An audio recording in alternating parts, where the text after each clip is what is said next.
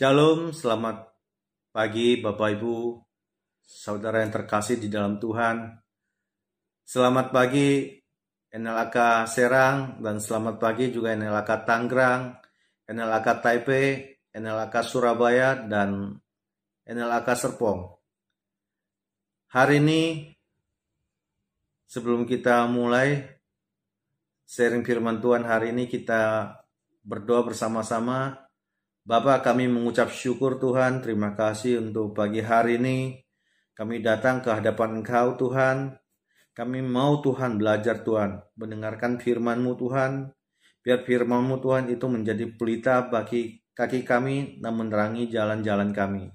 Bapak kami mengucap syukur Tuhan, terima kasih biar setiap firman yang disampaikan roh kudus Engkau yang bekerja. Engkau yang bekerja, Engkau yang menyingkapkan. Di dalam setiap hati kami, Engkau yang membuat supaya kami mengerti Tuhan. Bapak kami mengucap syukur Tuhan, terima kasih untuk pagi hari ini Engkau yang beracara dari awal, pertengahan, hingga akhir. Kami serahkan Tuhan acara pagi hari ini ke dalam tangan kasih-Mu Tuhan. Kami mengucap syukur hanya di dalam nama Tuhan Yesus Kristus kami berdoa. Amin. Hari ini saya akan membagikan praktek kuasa dan otoritas. Ya. Senang sekali bisa uh, sharing membagikan uh, pengalaman hidup saya kepada Bapak Ibu sekalian. Tentunya kita ini belajar dari Tuhan Yesus ya. Kita mengatakan Yesus itu berkeliling dari desa-desa, dari kota-kota ke kota lain, ke, dari suatu desa ke desa lain, satu kampung ke kampung yang lain. Kalau Yesus saja berkeliling maka kita seharusnya kita juga harus melakukan prinsip yang sama. Kita belajar apa yang telah Yesus lakukan. Ada amin. Jadi Tuhan mau kita belajar dari dia. Ya. Pengalaman apa yang Yesus lakukan, apa yang Yesus kerjakan, saudara dan saya kita bisa ngambil, bisa belajar dari situ, bisa tiru dari situ, dan kita bisa lakukan. Ada amin. Dan ketika kita melakukan ini, hidup kita semakin bergairah, kita semakin mengasihi Tuhan. Ada amin. Nah, saya mau bagikan uh, pengalaman saya waktu pertama kali saya uh, diutus ke Batam. Ya. Dulu kita rencana akan rintis gereja di Batam dan terakhir itu uh, nggak jadi karena nggak ada yang berdiri di situ.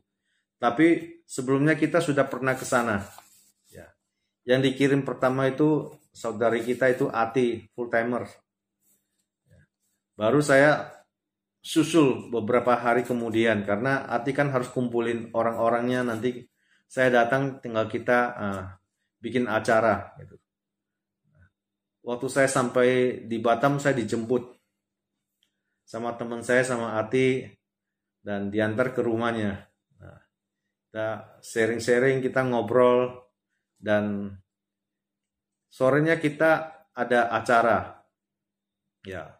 Sebelum acara ada seorang saudari kita yang dulu dari gereja kita yang di Serang itu pernah saya layani dia lahir baru dan baptis Roh Kudus. Ya. Jadi awal-awal kita juga udah melayani uh, orang lahir baru itu gimana, melayani uh, pelepasan gimana. Jadi kita udah udah dilatih di situ. Ya. Jadi waktu ke Batam saya ketemu dia lagi, ya kan. Ternyata dia pindah dari dari Serang pindah pulang kampung sebentar baru ke Batam kerja. Nah di Batam ketemu lagi jadi kita udah pernah ketemu, ketemu lagi di situ, jadi rasanya senang banget. Nah, singkat cerita, dia bilang ke saya, saya ada rasa yang aneh gitu loh. Jadi waktu dia di kampung, opungnya itu ceritanya punya ilmu lah ya. Ilmu ini kan harus diturunkan gitu loh. Dan yang paling cocok itu katanya di antara saudara-saudaranya dia yang paling cocok. Ya, jadi ilmunya itu harus diwariskan ke dia. Dia sendiri nggak percaya, ah saya kan percaya Tuhan nggak percaya yang kayak gini-gini. Tapi namanya orang tua di kampung kan tradisinya masih kuat ya pokoknya ya itu kamu yang terima nggak bisa pokoknya itu yang cocok kamu yang lain sih nggak bisa nggak kuat gitu. nah singkat ceritanya dia percaya nggak percaya tapi ngomongan-ngomongan seperti itu jadi kepikiran sama dia dan entah kapan dia mulai ada merasa aneh di tangannya itu keringat. Telapak tangannya ini keringatan. Nah keringatan itu nggak nggak seperti keringatan keringatan orang biasa. Jadi dia tuh keringatan itu tuh banyak air. Ya. Kalau dia digenggam itu airnya bisa netes. Wah ini tangannya jadi sumber air ini Nah dia kan risi. Waduh gimana nih Pi katanya. Oh saya bilang oh gini tenanglah kalau gini. Jadi dia sudah pernah dilayani lahir baru dan dia sudah pernah dilayani terima roh kudus. Nah, karena dia pindah dan pulang kampung, jadi bahasa rohnya ini jarang dipakai. Ya, karena di kampung nggak ada yang bahasa roh, jadi bahasa rohnya jarang dipakai. Akhirnya nggak terbiasa pakai itu.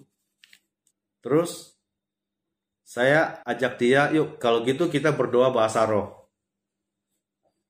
Ingat ya, saya nggak doain dia, saya hanya ngajak dia, kita sama-sama berbahasa roh. Nah, berbahasa roh itu kurang lebih, kurang lebih, ya lima menitan lah kira-kira ya dan dia kaget. Dia sadar bahwa telapak tangannya ini mulai kering. Tadi kan banyak air bisa netes. Mulai kering. Nah, terus dia bilang ke saya, ini tangannya udah mulai kering. Udah kita berhenti. Bahasa orangnya kita berdoa bahasa orangnya mulai berhenti. Saya lihat, saya pegang tangannya, oh iya ya udah kering. Dia pun kaget, dia seneng. Wih ternyata dahsyat juga ya bahasa roh katanya. Saya bilang iya. Makanya harus sering dipakai. Bapak Ibu sekalian, sesuatu yang luar biasa itu ada mujizat terjadi. Ketika kami sama-sama berdoa dengan bahasa roh. Saya tidak mendoakan dia sembuh. Ini sesuatu yang luar biasa. Di Roma 8 ayat 26 dan 27 firman Tuhan demikian firman Tuhan. Demikian juga roh membantu kita dalam kelemahan kita. Sebab kita tidak tahu bagaimana sebenarnya harus berdoa. Tetapi roh sendiri berdoa untuk kita kepada Allah dengan keluhan-keluhan yang tidak terucapkan.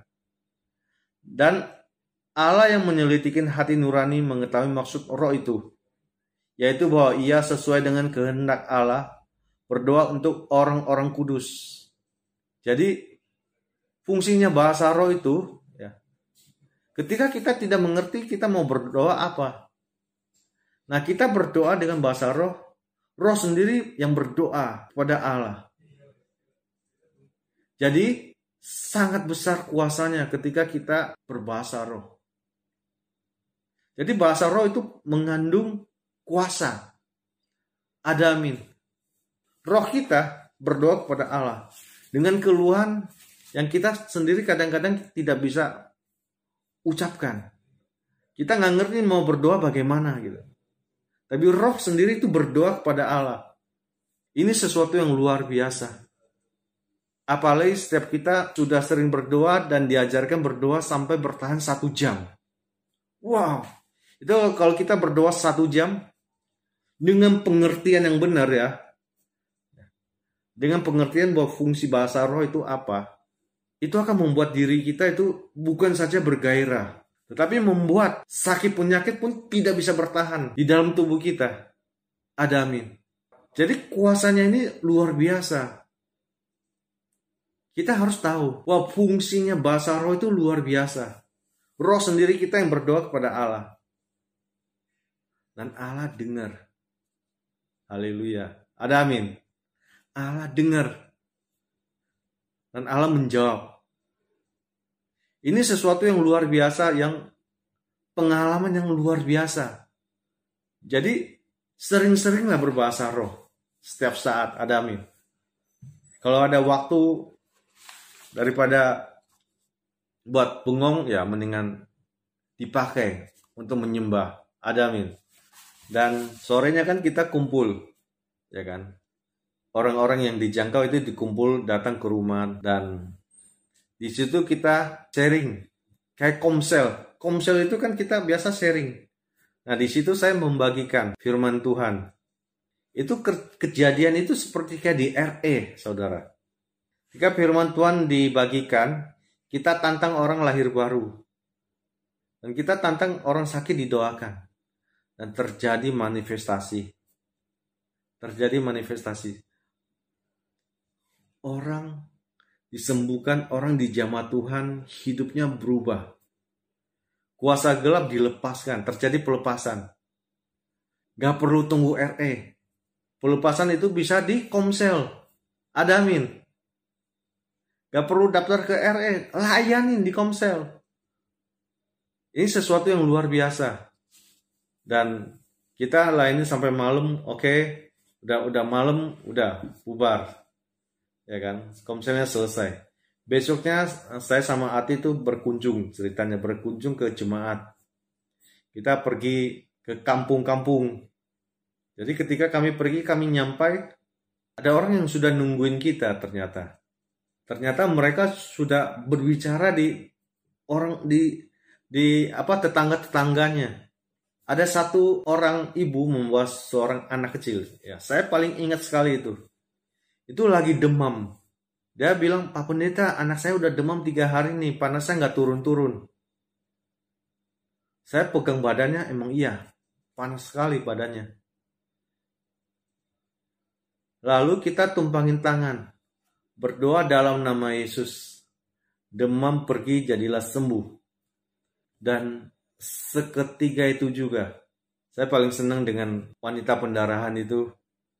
Dia berkata dalam hatinya, asal saja aku jamah jubahnya, aku akan sembuh. Dan Alkitab mencatat, seketika itu juga berhentilah pendarahannya. Kejadian ini sama. Seketika itu juga demamnya hilang. Dan anak ini pulang lari dia mandi balik lagi udah pakai baju. Udah kayak orang sehat. Udah, bukan itu berapa hari udah nggak mandi sejak dia sakit. Jadi ketika kita melayani, kita akan melihat bahwa Tuhan itu bekerja luar biasa. Bahwa kuasa itu nyata. Ada amin. Nyata kuasanya. Dan kami dibawa lagi berkunjung ke tetangga-tetangganya. Dan saya ingat sekali ada satu kakek-kakek udah tua mungkin udah 70 80-an ada. Dia tidak bisa bangun, dia hanya tergeletak di ranjang. Kasihan lihatnya. Dan keluarga minta didoakan supaya dia bisa sembuh. Ya kami doakan. Memang tujuannya kami ke situ untuk mendoakan. Adamin. Ketika kami tumpangin tangan ke badannya, kami katakan dalam nama Yesus. Sakit penyakit pergi, jadilah sembuh di dalam nama Yesus. Udah sederhana. Saudara, saudara tahu mujizat itu terjadi. Dan kita bilang sama kakek ini, bisa bangun nggak? Dan keluarga ini bantu dia bangun. Duduk. Saya bilang coba bisa coba jalan dan bisa jalan Bapak Ibu sekalian. Haleluya. Luar biasa. Waduh kalau saya ingat di Batam tiga ini yang saya ingat.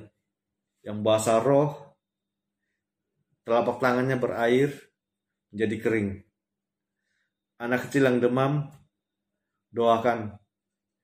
Yang ketiga, seorang kakek-kakek bisa bangkit dan berjalan. Ini adalah hal-hal yang luar biasa di dalam pelayanan. Jadi saya semakin bergairah. Ada amin. Saya semakin bergairah ikut Tuhan, melayani Tuhan. Melayani Tuhan itu bukan kita harus punya posisi, punya jabatan. Kita melayani Tuhan itu tanpa jabatan. Dan tidak ada orang yang bisa menghalangi kita untuk melayani. Tidak ada orang yang bisa menghalangi kita untuk mendoakan orang lain. Mendoakan orang sakit. Ada amin. Jadi banyak-banyaklah praktek. Banyak-banyaklah berdoa. Banyak-banyaklah melayani. Ada amin. Saya begitu bergairah untuk mendoakan orang. Kenapa? Karena saya banyak melihat mujizat terjadi. Semakin melihat mujizat terjadi, semakin bergairah saya berdoa. Semakin semangat, semakin kepengen untuk mendoakan. Imannya semakin aktif, semakin bertumbuh. Ada amin. Dan saya pernah juga, suatu kali saya ke Nias. Ya. Saya diutus ke Nias waktu itu juga ceritanya, ceritanya kita mau rintis di Nias gagal juga kita karena ya kembali lagi nggak ada orang yang berdiri. Saya naik dari Jakarta itu pesawat ke Medan. Pesawat ke Medan itu harus turun dan ganti pesawat kecil. Kalau saudara tahu orang Nias kan dari Medan ke Nias itu harus pakai pesawat yang ada baling-baling di sampingnya itu. Pesawat kecil. Ngelihatnya juga ngeri. Jadi saya sampai di Medan ganti pesawat ke Nias lagi. Kita nih di Nias itu di Gunung Sitoli, di ibu kotanya ya. Jadi kita rencana ke sana kan kita pelayanan untuk menjangkau. Amin. Di dalam penjangkauan penjangkauan kita, kita melayani selalu orang lahir baru, terima Tuhan, dan kalau dia ada ikatan roh jahat, ada sakit penyakit, itu harus dilepaskan. Ceritanya ada satu kali kita lagi sharing di kumpulan kecil. Ada satu ibu-ibu, dia minta didoakan. Ceritanya katanya dia disantet. Yang nyantetnya ini tetangganya. Di Nias itu, orang Kristen itu bisa jadi dukun. Terus bagaimana bu ceritanya? Ya, biasalah. Buat ibu ini sakit dan setelah saya sharing, saya tantang terima Tuhan. Ingat ya, ketika kita ingin mendoakan seseorang, lebih penting kita harus yakinkan dia terima Tuhan. Tantang dia terima Tuhan. Setelah dia terima Tuhan, itu roh jahat itu gampang diusir. Amin. Nah ibu ini saya tantang terima Tuhan bersama yang lain-lainnya. Tapi fokusnya saya ke ibu ini. Saya akan cerita ibu ini. Karena kan dia disantet kan dia merasa badannya kan sakit. Saya sendiri pernah alami, saya mengerti. Itu kadang-kadang kalau kita ngomong hal yang satu ini, di logika kedokteran, medis itu gak bisa dipercaya. Dibilang gak ada sakit, tapi kita bisa merasakan sakit. Secara medis dicek nggak ketemu. Tapi ya di badan kita kita merasakan. Singkat ceritanya, terima Tuhan dan saya mulai doakan. Ingat, ketika orang terima Tuhan, kita harus ajak dia berdoa, pengampunan, ajak dia berdoa untuk melepaskan, menolak. Didoain, itu keringat itu gede-gede badannya jadi basah, bajunya itu jadi basah semua.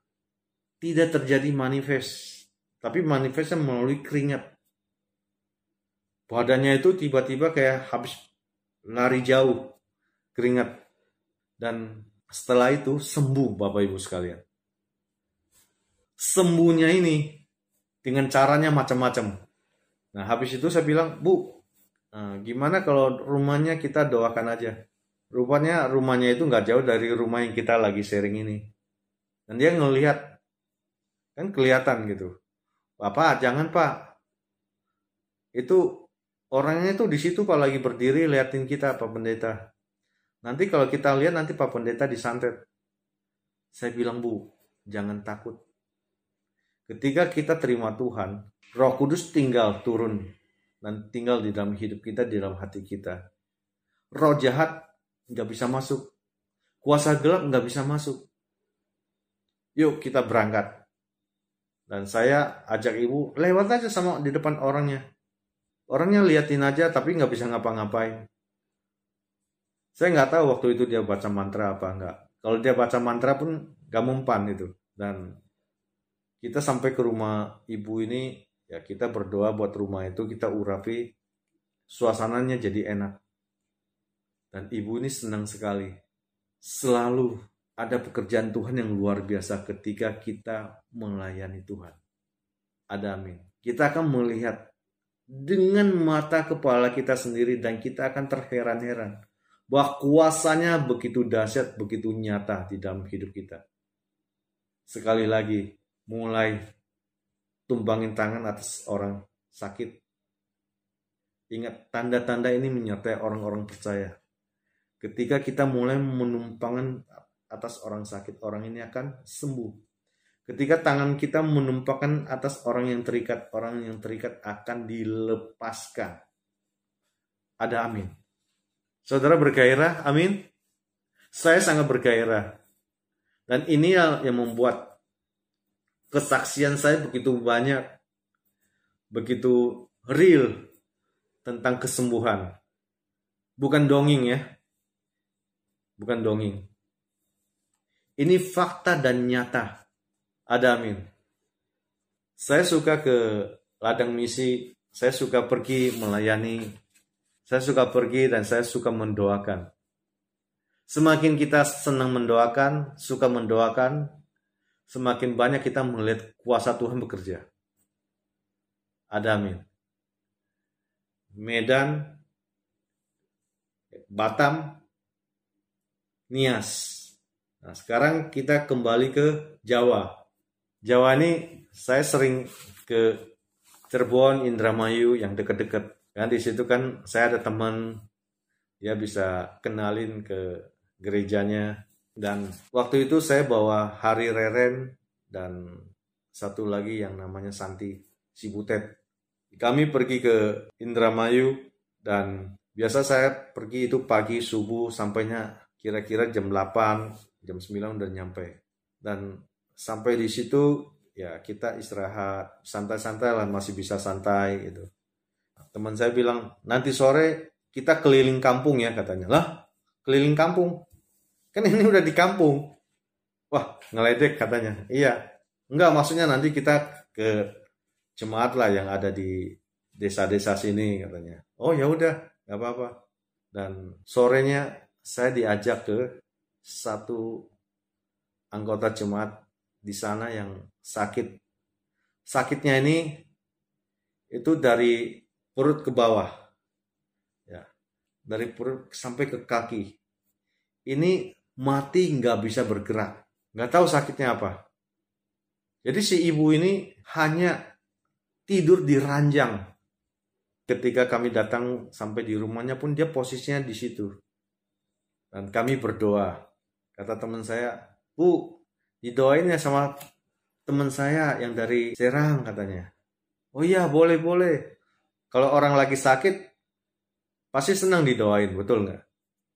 Jadi ya kita ngobrol, ngobrol-ngobrol, ibu gimana mau didoain, ibu percaya Yesus, uh percaya.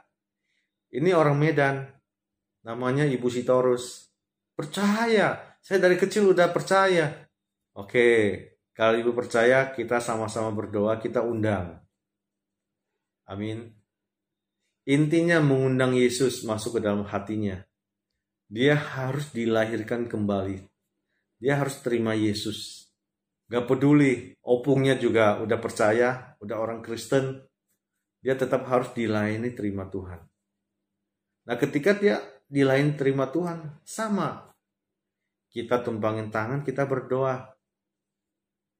Bapak Ibu sekalian, mujizat terjadi lagi. Haleluya. Ini kalau ada hari Reren, mereka bisa kasih komentar.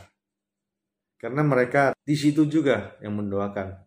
Melihat begitu nyata buah kuasa Tuhan itu bekerja. Ada amin. Dan dia senang sekali. Pertama biasa dibantu duduk. Ayo bu, dibantu berdiri. Akhirnya dibantu jalan, bisa jalan. Minggu pagi kan kebaktian. Pagi-pagi dia udah datang. Heboh di gereja itu. Ibu udah sehat, ibu udah sehat. Dan dia bersaksi di gerejanya. Buat Tuhan itu baik. Dia itu nyata. Dia itu bisa menyembuhkan saya itu lebih luar biasa dia bersaksi lagi di hadapan jemaat Tuhan. Dan itu yang membuat saya semakin bergairah. Ada amin. Saya melihat bahwa Tuhan Yesus itu nyata banget. Dia hidup. Dia hidup. Dia penuh dengan mujizat. Ada amin. Dan saya sangat senang sekali terus melayani. Kami juga pernah sama Pak Sigit, Bu Nana, Hari Reren.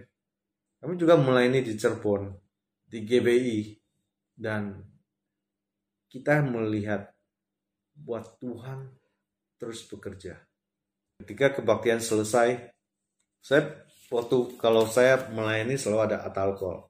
Dan habis kebaktian selesai, saya dipanggil satu ibu-ibu dia bercerita tentang kehidupannya, dan saya mulai mendoakan dia. Ya, saya memberkati dia, dan Tuhan menjamah dia. Dia sangat berterima kasih bahwa kok Bapak bisa tahu ya, katanya. Saya bilang saya nggak tahu, tapi Roh Kudus bisa bicara.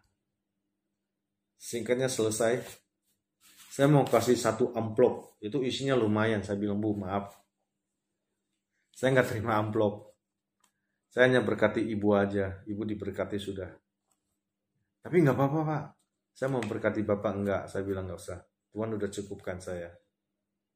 Begitu bergairahnya kita melayani Tuhan. Melihat jiwa-jiwa diselamatkan, orang sakit disembuhkan, orang yang terluka dipulihkan. Ada amin. Jadi kita ini menjadi saluran berkat.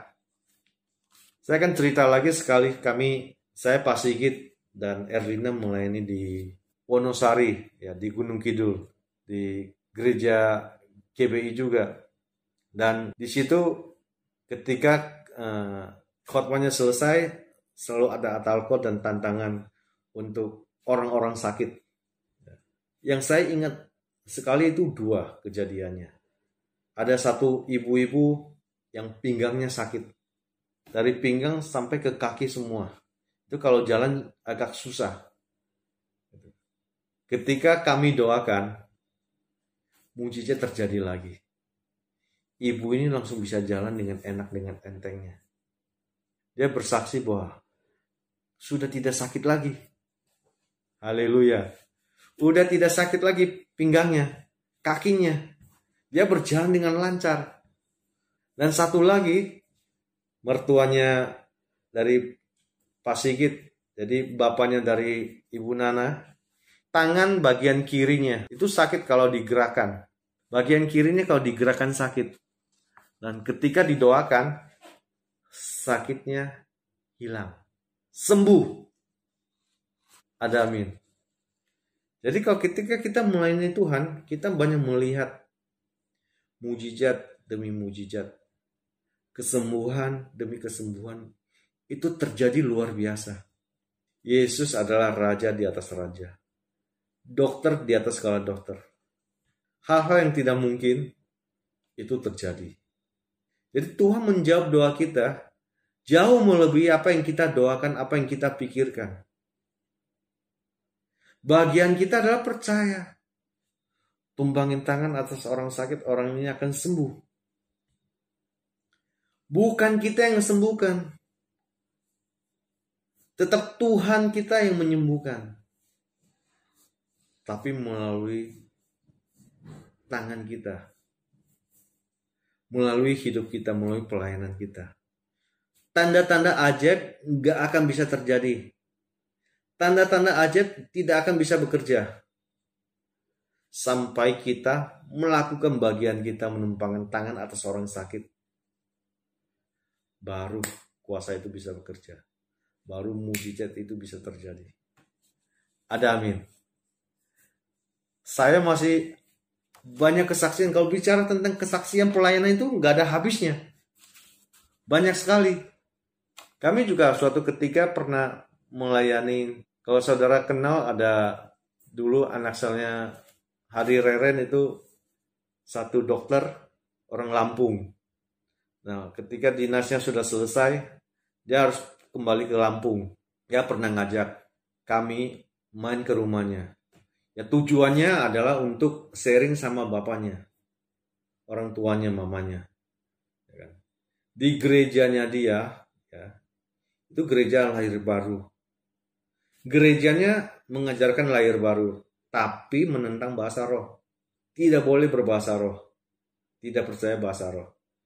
Jadi kami ke sana itu untuk sharing aja untuk bicara sama orang tuanya pengajaran yang benar seperti ini loh. Ya namanya walaupun dokter kalau ngomong sama orang tua tetap ya anak nggak masuk. Jadi minta tolong kita ke sana. Saya sama Mas Hari sama Reren sama istri saya sama satu lagi anak saya Mas Hari. Nah, kami ke sana. Dan saya paling suka kalau berangkatnya subuh pagi, jadi nggak panas. Nyampe di Bakau masih nggak begitu panas gitu. Di kapal masih enak, bisa santai-santai. Dan singkat cerita kami sampai di Bakau dijemput dan tiba di rumahnya. Nah kami dikenalin, kita ngobrol, ya kan, ngobrol sama bapak, sama ibunya, ya kan. Jadi tiba-tiba, tiba-tiba Roh Kudus bicara sama saya saya bilang, ibu tuh begini, begini, begini, begini, begini. Mulai dia di jamaah Tuhan mulai nangis. Bapaknya kan heran, nengok, lihat kayak kenapa gitu loh. Kok istriku jadi nangis gitu.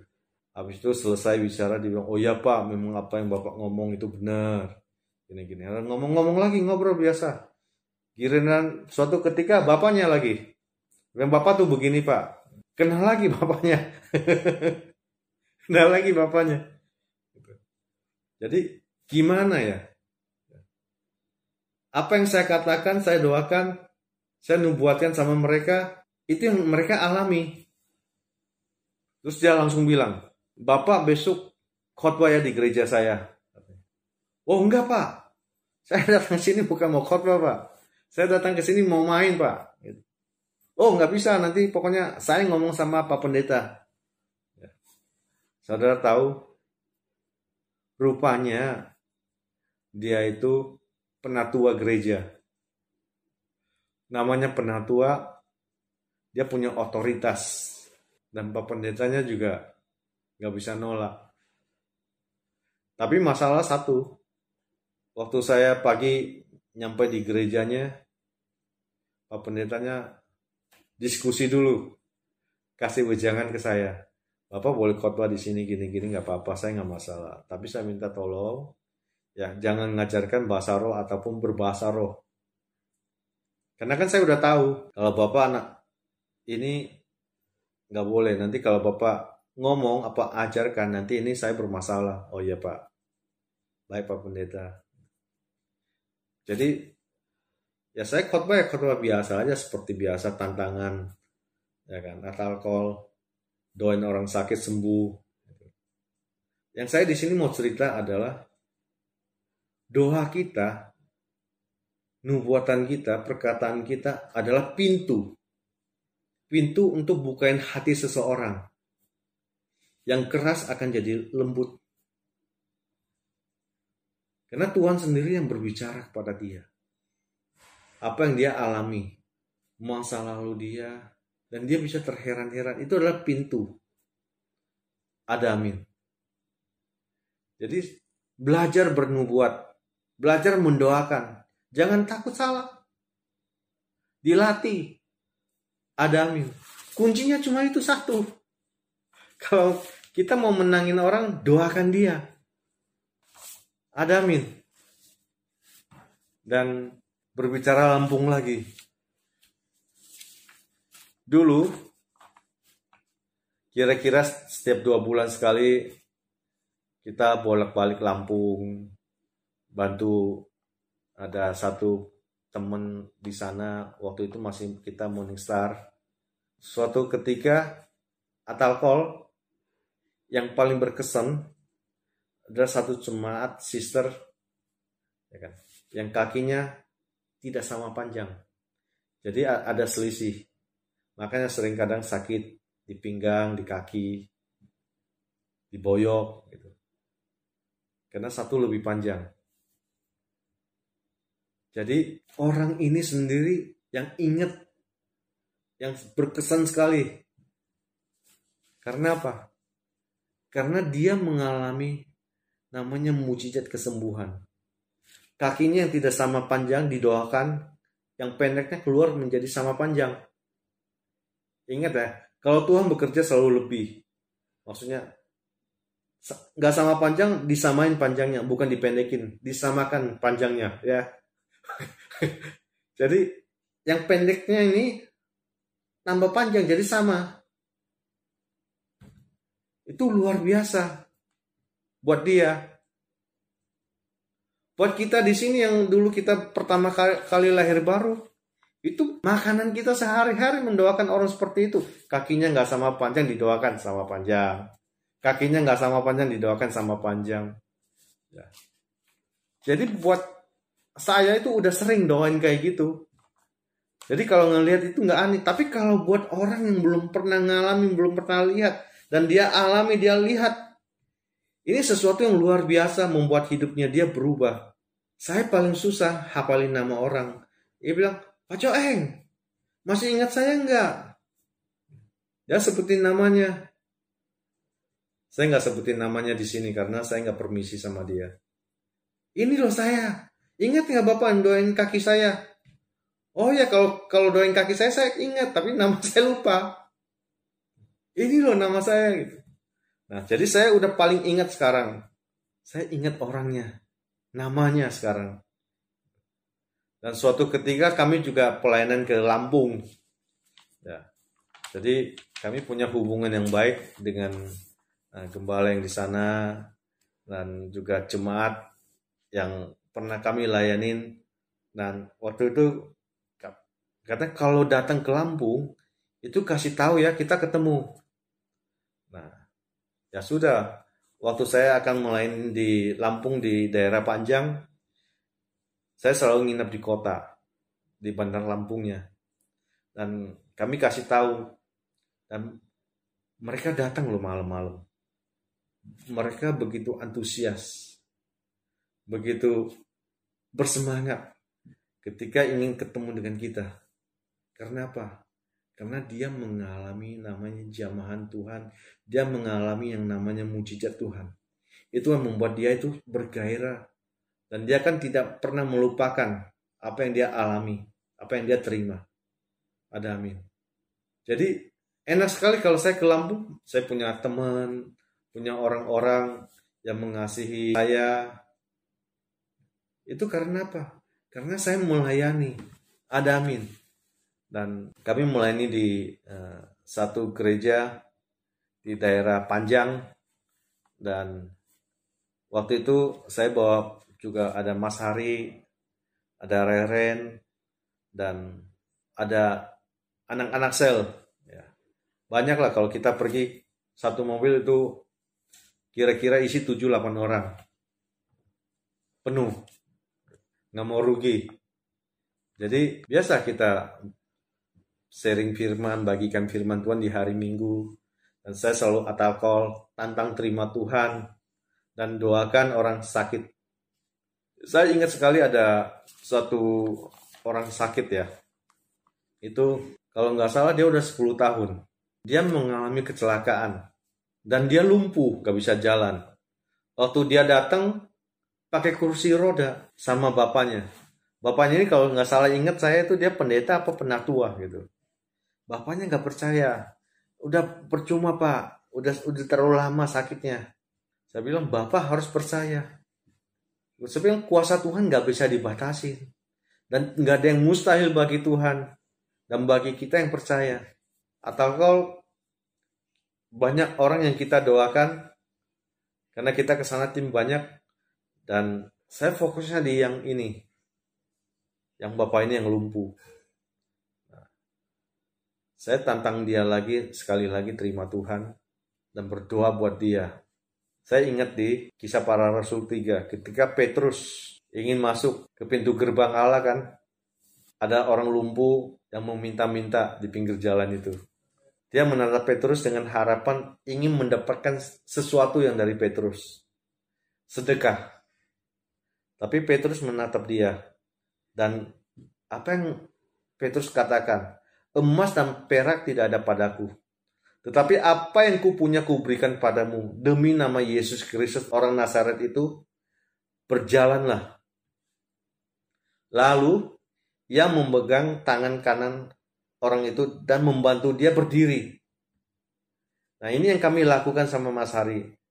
Setelah kami doakan, kami membantu memegang tangannya, membuat dia berdiri. Membantu berdiri. Menarik dia untuk bangkit berdiri. Ini Alkitabiah. Alkitab mencatat. Dan saya praktekkan. Kita bantu dia berdiri. Seperti Petrus dan kita membantu memapa dia, bantu dia bisa jalan. Di papa udah, kakinya udah bisa jalan. Karena 10 tahun nggak bisa jalan, di papa kakinya bisa jalan, dibantu, dipegangin, bisa napak, bisa jalan. Saudara, apakah itu bukan mujizat? Ada amin. Walaupun dibantu papa belum sempurna jalannya, tapi bisa jalan. Kakinya mulai pelan-pelan mulai kuat tinggal dilatih. Ada amin. Itu sesuatu yang berkesan. Selain yang orang sakit yang lain-lainnya. Karena ini yang paling berat. Saya suka tantangan yang berat. Ada amin. Dan mujizat itu terjadi. Sepuluh tahun yang gak kuat berdiri, dibantu, bisa jalan pelan-pelan, dibantu di papa. Ini adalah sesuatu yang wow. Sesuatu yang bapaknya bilang nggak mungkin, nggak bisa, udah terlalu lama. Bagi Tuhan tidak ada yang mustahil. Ada amin. Luar biasa. Tuhan kita itu. Ada amin.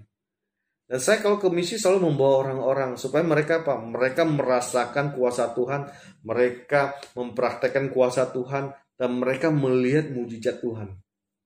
Kita mendoakan orang, kita belajar, melayani, itu nggak harus di misi. Tapi ketika kita dibawa ke misi, tujuannya supaya untuk membakar mereka, supaya mereka mendapatkan apinya itu, semangatnya itu. Nah pulang kalau tidak dipraktekkan, percuma tapi kalau pulang dipraktekkan, orang-orang yang saya bawa, yang sampai hari ini kalau mereka praktek, mereka masih melayani Tuhan. Mendoakan orang. Tapi kalau orang yang tidak pernah praktek lagi, yang melempem.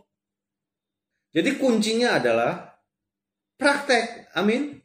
Tetap setia, tetap melayani, tetap mendoakan. Sampai kapan? Sampai kita dipanggil Tuhan tidak ada yang istilahnya pensiun. Halo. Gak ada ikut Tuhan pensiun. Jabatan kita bisa kita lepaskan. Betul nggak? Seragam kita kita bisa lepaskan. Mendoakan orang itu adalah panggilan kita. Ada amin. Gak ada yang bisa melarang kita. Kalau apinya udah ada di sini, mengebu-ngebu, gak ada yang bisa menghalangi kita. Ada amin. Amin. Saya akan cerita lagi tentang pemuritan. Ya, saya pernah muridin saudari kita Vina Sebuah. Ya, saya muridin dia uh, gak lama ya. Karena apa? Karena uh, dia kan sekolah, ya kan. Waktunya juga sama uh, saya kerja kan ketemunya agak susah. Ya kadang-kadang aja saya uh, ajak dia ke rumah ya makan ngobrol gitu beberapa kali saya ingat saya ya kan dan saya melihat bahwa Vina ini punya api anaknya ini mau belajar api harus ketemu api sehingga bisa menjadi berapi-api Dan dia begitu bergairah. Ada amin. Dan saya ngajak dia, kamu mau nggak diajarin? Untuk diperlengkapi, ya mau banget gitu. Itu yang dia tunggu. Dan gak lama, tapi dia begitu terinspirasi apa yang saya lakukan di dalam pelayanan saya. Dia melihat dan dia mau mengambil bagian itu. Dia mau belajar untuk bisa berdoa, bernubuat, menyembuhkan. Dan saya selalu bilang, jadilah sesuai dengan imanmu. Apa yang kau imanin, itulah yang akan terjadi. Ada amin. Dan suatu ketika di tahun kira-kira itu kalau nggak salah 2019 Si Vina kan dia bawa seorang teman. Nama teman ini Garcia. Jadi ceritanya saya juga udah lupa.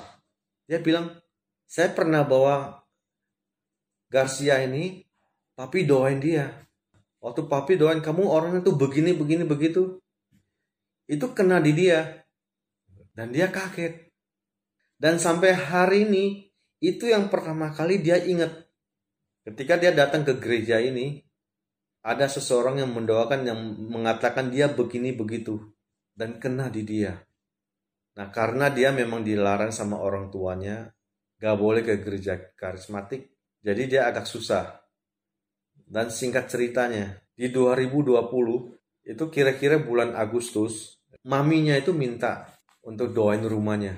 Jadi Vina dan teman-temannya lah, kalau nggak salah ada Eva sama Kak Christine ke sana melayani mamanya sama Garcia dan dua-duanya dilani lahir baru terima Tuhan. Itu hal-hal yang yang yang yang luar biasa ya.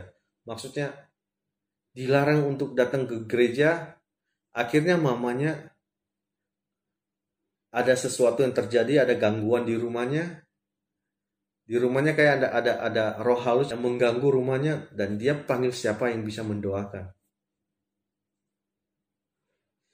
Saudara kenal Vina, anak itu masih kecil, masih sekolah, baru SMA sekarang, kelas 3 mungkin. Itu berapi-api, berani datang ke rumahnya, ajak temennya untuk mendoakan. Dan bisa melayani terima Tuhan. Saya tanya, waktu itu nggak dilayani sekalian yang lain-lainnya? Enggak, katanya. Belum begitu terbuka. Tapi udah puji Tuhan, mau terima Tuhan. Dan Garcia ini, dia dijamah Tuhan. Puncaknya, tahun ini ada RE, dan dia ikut RE, dan di situ dia lebih lagi dijamah Tuhan, mengalami Tuhan lagi.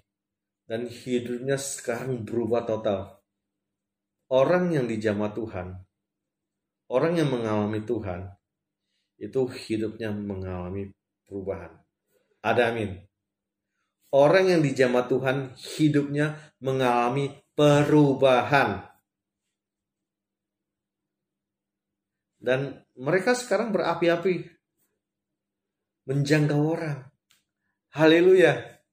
Ingat, apa yang kita lakukan di dalam hidup seseorang, orang itu akan ingat terus. Saya yang mendoakan sudah nggak ingat, tapi yang didoakan ingat terus. Ada amin. Jadilah terang, jadilah garam di mana pun kita berada. Jadilah berkat di mana pun kita berada. Kita menjadi orang yang disenangi, disukai. Ada amin kita menjadi orang yang dibutuhkan. Haleluya. Kalau orang butuh kita, dia akan cari kita. Ada amin. Dan di awal tahun ini, saya ada melayani lima orang terima Tuhan.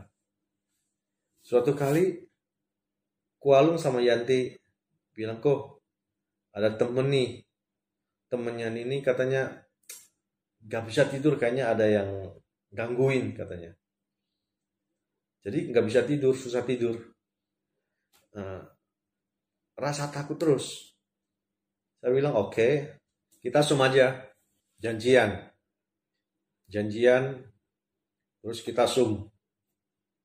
Nah, ngobrol-ngobrol, dia cerita dia sakit. Ini ada ada juga ke dokter asam lambung lah pokoknya. Kasih obatnya banyak juga. Dan nggak bisa tidur. Aneh katanya. Kalau kalau malam jam sekian itu mulai ada rasa takutnya. Ya udah kalau begitu ya kamu harus uh, percaya bahwa Yesus bisa menyembuhkan kamu. Dia bukan dari orang percaya, dia belum kenal Tuhan. Dan saya kenalin Yesus sama dia. Terus saya lihat, coba-coba, uh, kamu agak dekat ke kamera saya lihat. Saya lihat matanya ada yang aneh. Saya bilang, waduh, kalau begini kayaknya nggak bisa deh kita doakan pakai Zoom. Terus gimana kok katanya? Ya kalau ini terpaksa ya harus ketemu. Itu. Dia rumahnya kan di Cilegon. Ya, jadi ya udah nanti kita ke rumahnya.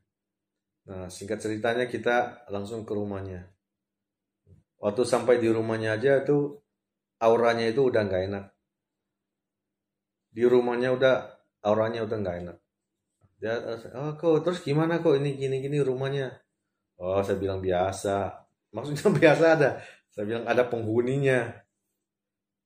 Kamu penghuninya dan di dalam kamu ada penghuninya. Waduh dia nggak apa-apa. Yang penting ya kan kamu mau sembuh nggak gitu. saya cerita tentang diri saya dulu saya pernah disantet juga oh ya bisa ya bisa kalau saya bisa kamu bisa tapi kamu percaya nggak? Syaratnya harus percaya. Akhirnya suami istri terima Tuhan. Ada amin. Puji Tuhan. Tuhan itu baik. Ada amin. Terima Tuhan ya udah kita doain sakitnya. Tidak terjadi manifestasi yang namanya pelepasan.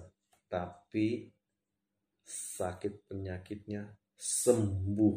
Ini intinya ini sembuh tuh. Pokoknya di kesembuhannya. Tidak ada manifestasi roh jahat. Sembuh. Yang kedua tantangan istrinya juga terima Tuhan mau. Jadi ini Yanti cerita Yanti Yanti ini ini orangnya ini peka. Peka dengan hadiratnya Tuhan. Ya kan?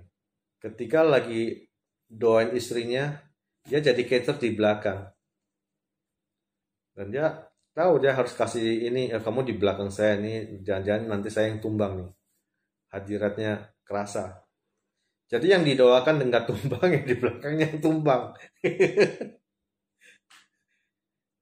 yang didoakannya nggak tumbang yang tumbang yang kecernya yang tumbang nah ini pertanda bahwa kehadiratnya Tuhan itu ada di situ ada amin.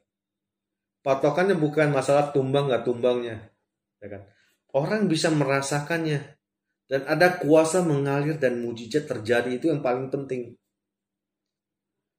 Ada amin. Dan temannya Kualung sekarang itu udah gosnya ke mana-mana.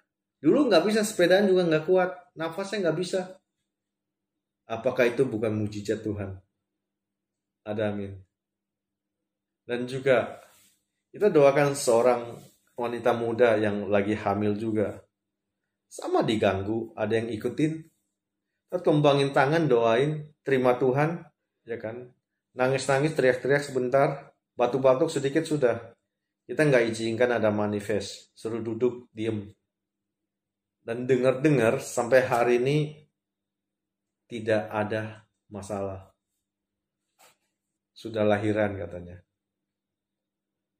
Waktu itu masih hamil. Ini sesuatu yang luar biasa. Bahwa Tuhan bekerja luar biasa. Selalu ada mujizat, selalu ada kesembuhan. Yang dile perlu dilepaskan akan Tuhan lepaskan. Kesembuhan itu mengalir dengan sendirinya. Ada amin.